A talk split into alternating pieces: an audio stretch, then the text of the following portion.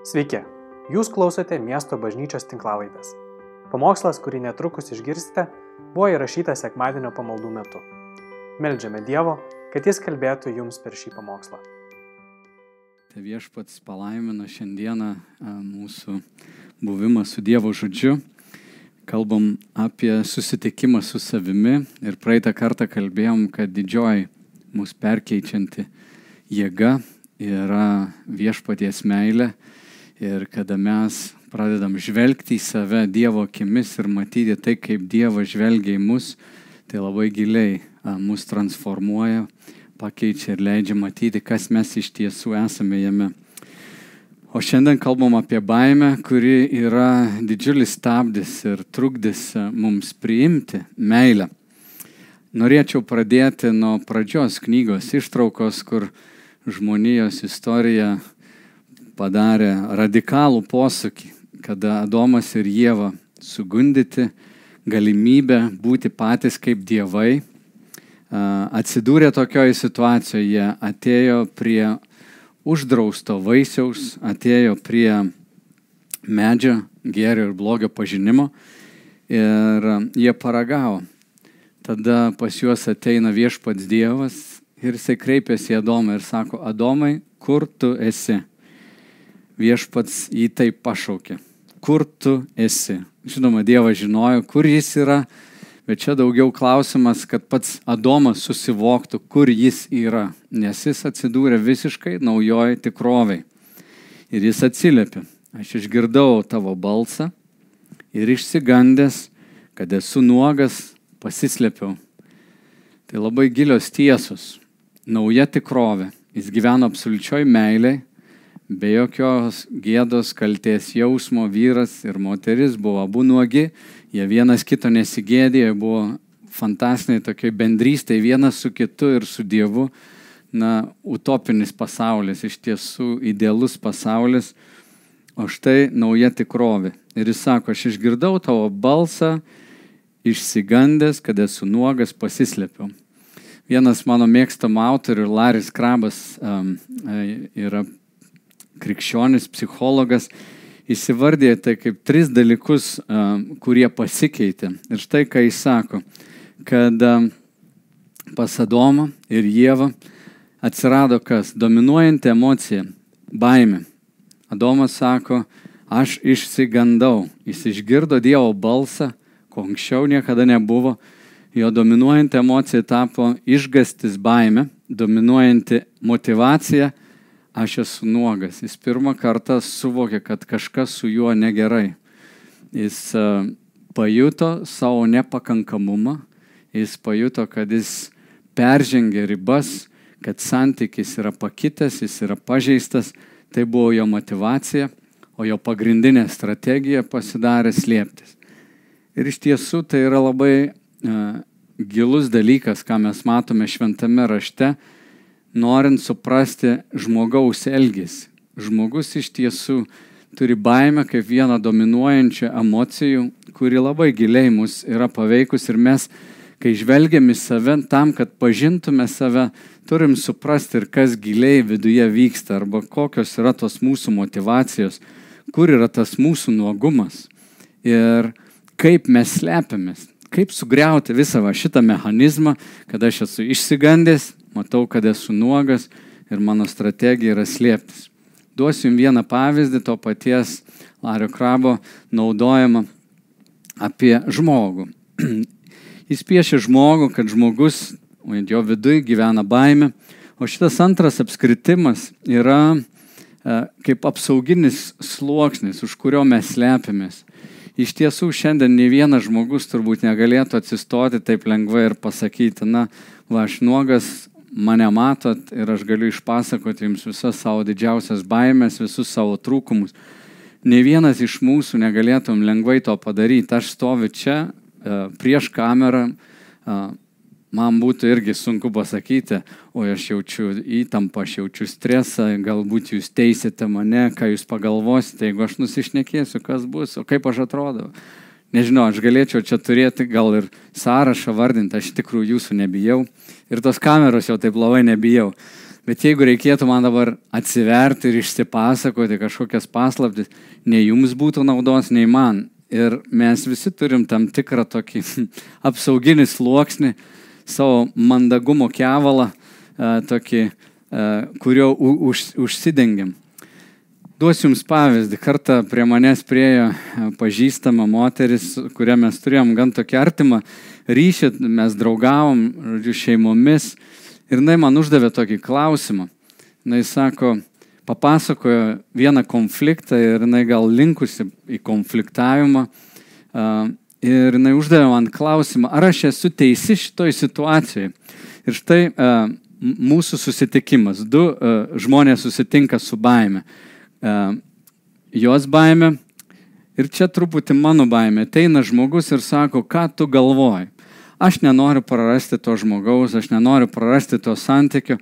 Ir iš savo tokio nesaugumo aš galiu jai pasakyti, nu, viskas yra ok. Iš tikrųjų taip ir buvo. Aš, e, čia ne pirma tokia situacija, buvo per keletą metų, kada yra galimybė pasakyti kažką žmogui ir aš įtariu, kas yra viduje. Aš matau tam tikras baimės, bet ji neklausia apie, apie savo baimę. Jis neklausia, iš tiesų, ką tu galvoji apie mano sužeistumą, apie mano atmetimą, apie kurį patyriau per visą savo gyvenimą, didelės traumas, apie kurias aš žinojau. Jis man buvo apie tai pasakojus. Jis apie tai nekalbėjo. Jis klausė manęs tokio klausimo. Ar aš esu teisi šitoje situacijoje, va šitam konflikte su to žmogum. Bet jos klausimas buvo akivaizdžiai toks, man reikia tavo pritarimo, man reikia tavo palaikymo ji neklausė, ką aš iš tikrųjų galvoju.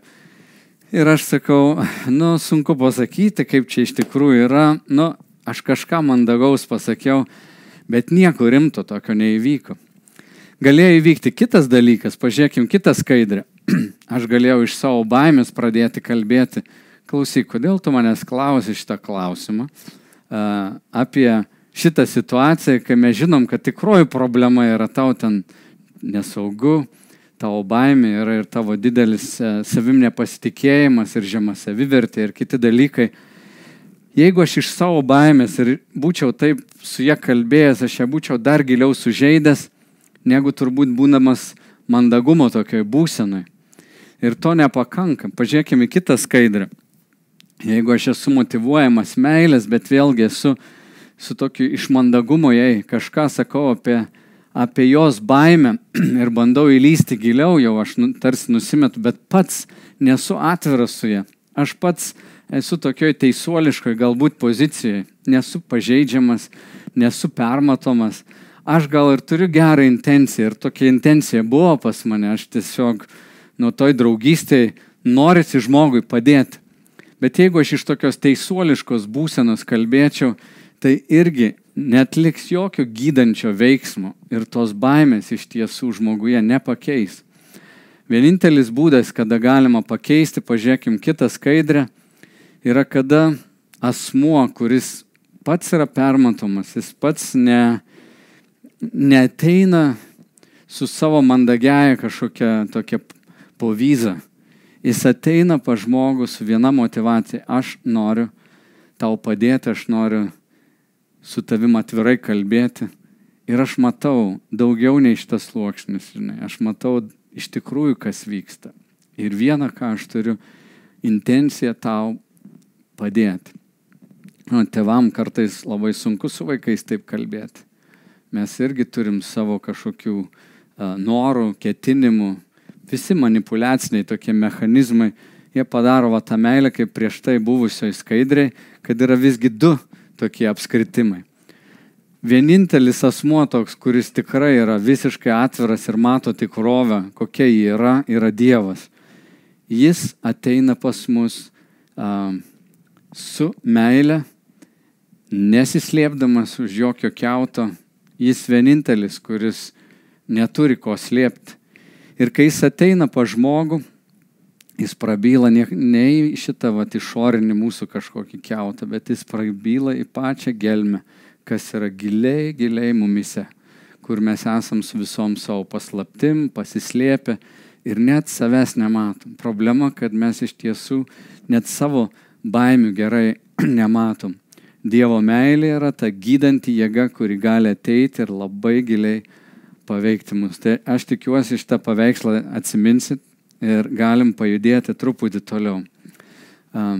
Kas atsitinka su religija? Apskritai, Lietuvoje, man atrodo, yra, na, irgi labai daug tokios visuomeninės kalties, mes turim tokią patyčių kultūrą, bet religinės praktikos labai dažnai yra susijusios ir jeigu žiūrėtum apskritai pasaulio religijas su dievų nuraminimu.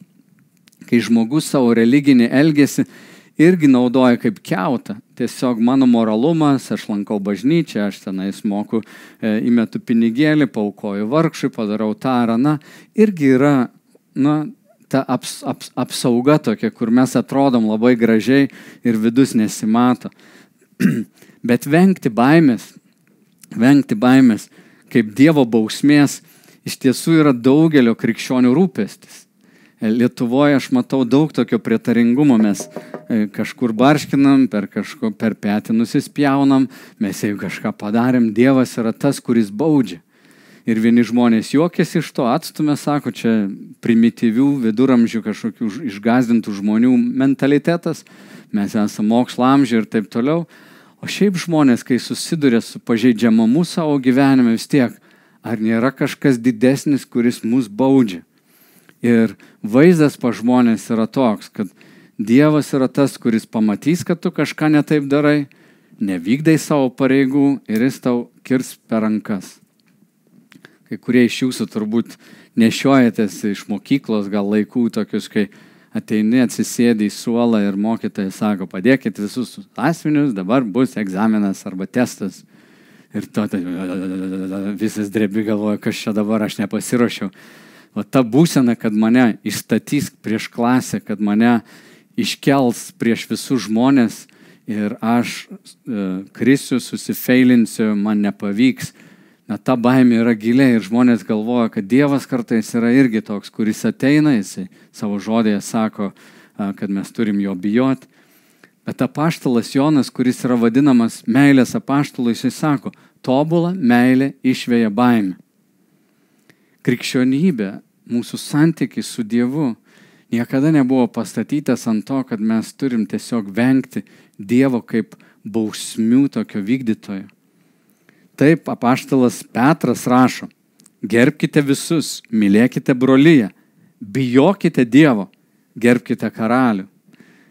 Patarlėse pasakyta viešpaties baime yra išminties pradžia. Bet baime, kuri čia minima, nėra tokia paniška baime, kad tu tik žiūrėk, nenueik į kairę ar į dešinę per toli ir aš tave nubausiu. Ko Dievas nori, Ir baimė tikrai neturėtų būti nei mūsų draugas, nei kažkokia darybė. Dievas nori artumo, tokio intimumo, o ne baimės. Jis nemanipuliuoja žmogumi per baimę. Religija nėra e, Dievo rimbas, mušti žmonės, išmuštruoti, kad jie visi tokie su baime darytų tai, ką jis liepia jiems daryti, su visiškai neperkeista širdimi ateiti bažnyčią, stovėti joje, vaidinti ir iš tiesų neturėti jokios meilės ar pagarbos Dievui yra tuščias reikalas. Jis mum nėra visiškai naudingas. Pažvelkime į baimę. Kokie tie baimės veidai. Kai baimė yra sukeliama mumise kažkokių išorinių veiksmų, tai labai aišku. Vaikas bijo šuns. Viskas aišku kitas žmogus užlipa ant tilto, jis tai jo rankojas dreba, jis bijo aukščio, kitas bijo ten vorų, gyvačių, dar kažko, mes bijom nesėkmės, mes bijom dar kažkokių dalykų išorinių. Viskas labai aišku, mes tai galim pamatyti, bet kas yra sunkiau pamatyti, yra baimės, kurios yra susijusios su mūsų norais, su mūsų svajonėmis, ilgėjimuose artimo santykio su kitu žmogumi dalykų, kurių mes iš išorės kaip ir nematom, jie kažkur gyvena giliai mumyse. Davidas Beneris rašo, vieni žmonės bijo artumo, kiti vienumos. Vieni bijo prarasti kontrolę, kiti bijo prarasti savo įvaizdį. Vieni bijo savo stiprių jausmų, kiti bijo prarasti patogumo jausmą. Vieni bijo kitų dėmesio, kiti bijo būti nepastebėti. Vieni bijo gyvenimo, kiti bijo mirties. Vieni bijo malonumo, kiti bijo skausmo. Vieni bijo prarasti meilę, kiti bijo pačios meilės. O kartais baime apskritai neturi savo veido ir nepalieka savo pėdsakų. Kartais baime yra tokia tarsi neapibriešta. Bet ką padaro baime? Baime gimdo mumise tokį kompulsyvų norą valdyti, kontroliuoti. Žmogus, kuris bijo, jis iš tikrųjų stengiasi viską suvaldyti taip, kad ta baime nu, neapimtų jo gyvenimo. Jis bandys visokiais būdais apsisaugoti. Ir baime mums neleidžia priimti kitų žmonių į savo artimą aplinką. Vienas pirmųjų krikščionių filosofų, Danas Sörenas Kirkegardas, jisai apie baimę pradėjo kalbėti ir tokia užvedė daug ir filosofų, ir pačios psichologinių įvairių mokyklų apie baimę kalbėdamas įvardė tris tokius punktus, sakydamas, kad baimė pasirodo, kai žmogaus dvasia bijo savęs. Jis kalba apie baimę, bet to aiškaus veido. Baimė dažnai pakeičia kalties jausmą. Yra pirma kalties jausmas arba tas, va, aš esu nuogas Ir dėl to, kad aš esu nuogas ir bijau būti atrastas, man įkyla baime. O kaltė, kuri gyvena viduje, kažkoks gėdos jausmas, jis visada stabdys meilę. Užspaustas kalties jausmas visada trukdys priimti meilę ir parodyti meilę. Tai vad baimės ta varomoji jėga labai dažnai ir yra mūsų netobulumas, mūsų gėda, mūsų kaltė. Ir bijoti savęs yra susiję su tokiu vidiniu konfliktu. Nors baimės šaltinis gali pasirodyti išorinis, visgi tikrasis šaltinis, kas Sorinas Kirkegardas sako, kad vidinis konfliktas e, e, yra dažnai to vidinės tos baimės šaltinis. Pavojus jisai glūdi viduje. Priešas yra pats žmogus arba dalis jo. Ir dažnai tai būna paties žmogaus gilios emocijos, jo, jo pavyzdžiui, piktis, kažkoks seksualinis potraukis gali būti tai, ko žmogus savyje bijo. Jeigu visa tai išeis iš manęs, ką tai padarys, kokią, kokią, kokią gėdą man tai atneš arba kokius santykius sugriaus.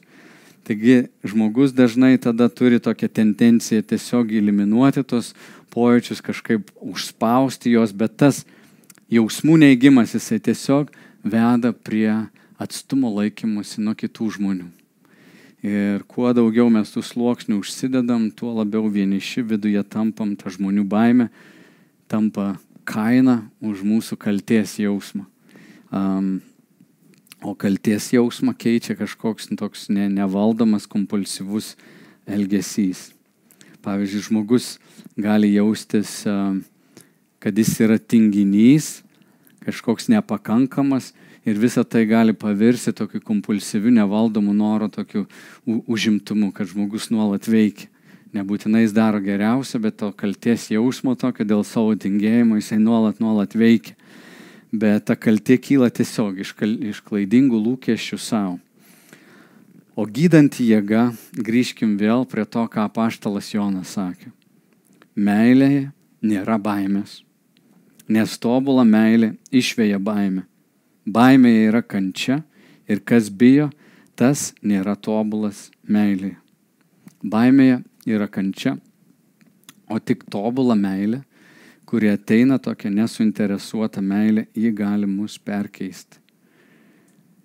Yra dar vienas dalykas, kad kai mes kalbam apie baimę, aš sutinku žmonės, kurie bijo pačios meilės bijo meilės. Kodėl? Ta meilės baimė, iš kur jinai ateina? Meilė jinai yra pavojinga, nes visada kviečia pasiduoti.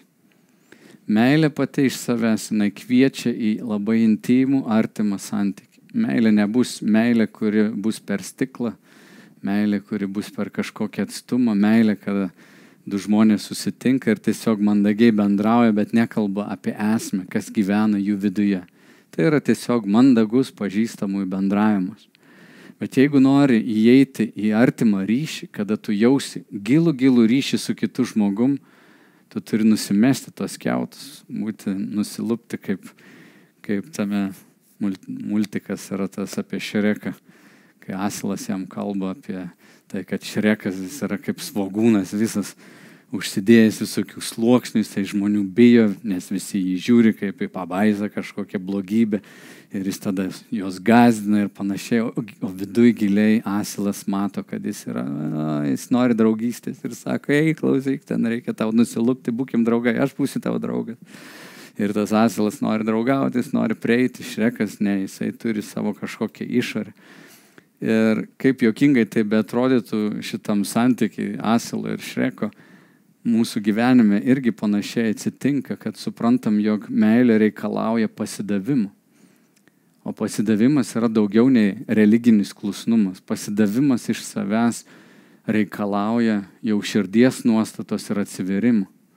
Štai jeigu pasakytum kokiai nors mergaitė, na, tu turėtum pasiduoti šitam berniukui. O jeigu jis yra asilas, turiu menį trenktas, pavojingas, agresyvus, Tai jei pasakyti, tu pasiduok šitam berniukui yra kažkas baisaus, tai nusikaltimas. Ir aš sakyčiau, stop, tik jam nepasiduok. Tu negali bet kam pasiduoti, negali pasiduoti agresyviam blogam žmogui, dėl to, kaip savisauga mes labai atsargiai tai prieinam prie žmogaus.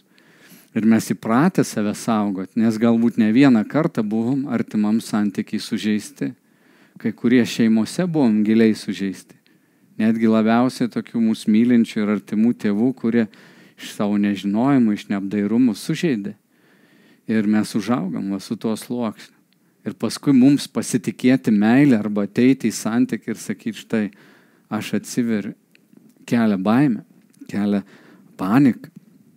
Ir dėl to dažnai mes renkamės baimę. Vietoj to potencialaus atstumimo jausmo. Ir kai kalbam apie savęs tą pažinimą, jeigu mes liksim gyventi su tom baimėm, tos baimės mūsų apakina, mes patys savęs nematom, o išgyjimas visgi yra sugriauti šitą mechanizmą. Nėra kito būdo, kaip iš tikrųjų nusilupti tuos sluoksnius ir įeiti meilės santyki. Ir aš neraginu tavęs, eik atsiverk dabar visiems, pasiduok visiems. Ne. Turi būti truputėlį išrankus, turi būti išmintingas. Bet santykėje su Dievu mes taip ateinam. Mes turim ateiti prie Dievo, nes Dievo meilė yra išskirtinė. Ji tobula. Yra nesuinteresuota meilė. Dievo meilė, kaip ir praeitą kartą sakiau, praeitą savaitę, ji nėra susijusi su tavo elgesiu. Dievas, jis ateina ir jisai mato tave keurai, jis mato mintį, kuri dar neužgimė tavo galvoje. Tai, ką tu nedrįsti pasakyti savo, užsidaręs kambarėlį, Dievui yra matoma. Ir jis nusprendė mylėti. Jis pasirinko mylėti. Jis pasirinko mylėti žmogų labai giliai ir šventame rašte tai yra matoma. Tai kažkaip dėl savo baimių, gal dėl savo patirties tarp žmonių mes Dievui projektuojam tokį paveikslą, kad Dievas yra na, susijęs, kaip pasakyti, kaip, kaip žmogus, jisai tik tais mainus atlieka. Bet Dievas veikia malonė. O kaip veikia malonė? Jisai duoda tai, ko tu ir aš nenusipelnė. Malonė yra Dievo dovana, kurios negali nupirkti. Jeigu tik pabandysi susimokėti, tai jau nebe malonė. Ir kodėl mums baisi tokia meilė? Todėl, kad mes įpratę susimokėti, mes įpratę savo vertę pateikti per tai, ką aš darau, kiek aš susimoku, ką aš galiu pasiekti, kas aš esu. Ir kai ateinam į tą pažeidžiamą tokį santyki, pasidavimą, prieš Dievą ir jo malonė veikia, ne mūsų užtarnavimas, mes sakom, ne, ne, ne, tai aš čia tada neturiu jokios kontrolės. Ne, ne, ne. Ir mūsų baime verčia mus valdyti. Štai kodėl kai kuriems žmonėms yra tokių žmonių tipai, kuriems religinės praktikos yra, yes, liuks, pasakyk man 17 taisyklių, viską darysiu, čiung, čiung, čiung. Yes, aš išeinu toks, aš viską padariau. Ar tą dariau ir tą dariau ir tą dariau ir jam yra ok. Bet įeiti į tą santyki ir pasakyti, tu viską darai, tu esi klusnus išoriškai, bet tavo širdis toli nuo manęs. Tu esi kaip fariziejus, jie viską darė, dešimtinę mokėjo, tobulai. Jie aukojasi, jie vaikščiojo misijas, jie atvertinėjo žmonės, o pranašas Izaijas sako, jų širdis toli nuo manęs. Ir Dievas nenori mūsų klusnumo, be mūsų pasidavimo. Santykis su Dievu ir yra, kad aš ateinu ir pasiduodu. Ir ta baime, kuri vat, yra viduje, kai aš atsiveriu, kai pasiduodu, Dievas sako, aš visada tave mačiau. Tu visada man buvai pažįstamas. Aš tave pasirinkau mylėti prieš pasaulio sukūrimą. Va šitie žodžiai mus pradeda gydyti giliai. Duosiu paskutinį tokį pavyzdį. Mato Evangelijos 14 skyrius esat šitą istoriją girdėję, kai Jėzus meldžiasi ant kalno, sako mokiniams, irkitės į kitą krantą, jie sulipa į valtį, visi plaukia valtim ir Jėzus ateina vandeniu. Ir mokiniai pilni baimės, pilni paniškos baimės, sako, šmėkla, šmėkla, šmėkla, jie niekad nematė nieko einančių vandeniu. Tai pirmas kartas jie nežino, į kokią čia dėžutę įdėti. Ir Jėzus sako, nebijokite, tai aš. Ir čia labai įdomus Petro elgesys. Petras sako, jeigu čia tu viešpatė, liep man ateiti pas tave vandeniu. Ir 29 eilutė jis atsakė, ateik. Man taip gražu, įsivaizduokit, ant vandens Jėzus sako, ateik. Bangos, Petras išlipa, jis eina vandeniu, išvelgia Jėzų, jis, manau, jaučia tą artumą, aš galvoju, ten toks jaudulys jį gal net pagavo.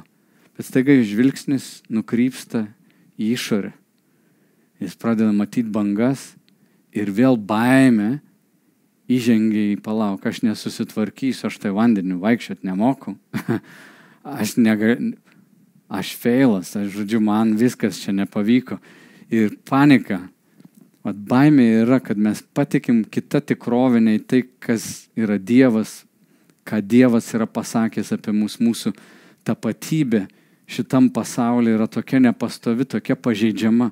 Ir Petras pilnas panikos pradeda skęsti ir tada šaukia viešpatė gelbėk ir čia pat pasakyta, Jėzus pačiumpa jį už rankos ir ištraukia. Bet čia gražus paveikslas ne tik, kad tai įvyko iš tiesų fiziškai, mokiniai buvo liudytojai viso to, bet netgi kalbant ir apie tą vidinį vat, mūsų santykį su Dievu, labai dažnai gyvenime taip atsitinka, kada Dievas mums sako, ateik, audroj, per vandenį, ten, kur nebuvai, sako, ateik. Ir jo meilė, vat, viskas yra įmanoma, Dievui yra įmanoma, mums atrodo ne. Dievas sako, eik į šitą santykį, tu sakai, ne, mane jau sužeidė šitą santykį, nebeisiu. Eik čia, tu sakai, ne, aš neįsiu, aš, aš jau žmonėmis tai jau tikrai nebepasitikėsiu. Ir aš matau, kaip šventame rašte virš 300 kartų pasakyta, nebijok, nebijok, nebijok. Ir Dievas yra tas, kuris sako, nebijok. Jis atstatinėja mumise tą tikrąjį aš, kuris turi gyventi laisvai nuo žmonių baimės, laisvė nuo baimės savo savęs. Tik šitoj meiliai mes esame perkeičiami, kada galim būti išlaisvinami. Ir iš tikrųjų kažkur fundamentaliai, taip giliai, giliai, vienintelis tikras gyvenimas, vertas gyventi ir yra tokioj laisvėje, kada man nebereikia apsimetinėti, man nebereikia slapstytis, nes Dieve aš nuolat, nuolat turiu uh, ramybę, kas, kas Jis yra, kas aš esu jame. O čia yra krikščionybės kelias ir tas gilus brandaus dvasingumo kelias, kuriame mes gaunam išgydymą nuo visų tų sužeidimų. Ir mūsų tie mandagumai, jie kažkiek išlieka, bet mes nebesam išsigandę būti atviri, pažeidžiami, nes esam jau išgydyti Dievo meilę. Mes turim žiūrėti į Dievą matyti savo baimės, neignoruoti, nesislėpti, atsiverti. Ir jo meilė, tobulą meilę, mus išgydys. Norėčiau su jumis pasimelsti dabar, kad viešpadės meilė pasiektų mus visus, kur mes bebūtume. Tėve, tavo sunaus Jėzaus vardu. Meldžiam, kaip apaštalas Paulius meldėsi, kad pažintume tavo meilę kad pažintumėm, koks jos ilgis, aukštis, plotis ir gilis. Kaip tu viešpatie giliai, giliai mūsų myli. kad tavo meilė mus išgydytų, išvaduotų iš mūsų noro užsidirbti tavo meilę, užsitarnauti ją kažkokiais būdais. Viešpaties sugriauk iki pamatų tą norą įrodyti tau, kad esam tinkami. Priimam tavo meilę, dėkojam už ją, meldžiam viešpatė vesk mus į tą gilesnį savęs pažinimą. To prašom per mūsų viešpatį Jėzų Kristų. Amen. Toliau kitose dalyse noriu kalbėti jums apie tai, kokia energija kartais mus motivuoja ir koks mūsų yra tas tamsiosios pusės veikimas, kaip mes išmokstam save parduoti ir kalbėsiu apie mūsų skirtingus asmenybės tipažus ir kviečiu jūs prisijungti taip pat rytoj 8 val. Facebook puslapyje Pastorius Saulis. Tenais turėsim 8 val. repą. Kviečiu jūs toliau dalyvauti. Tie tos tiesos iš Dievo žodžio mus keičia ir toliau. Dievo palaimas jums visiems. Ačiū, kad klausėte. Daugiau informacijos apie miesto bažnyčią rasite internete www.m-b.lt arba Facebook, Instagram bei YouTube paskiruose.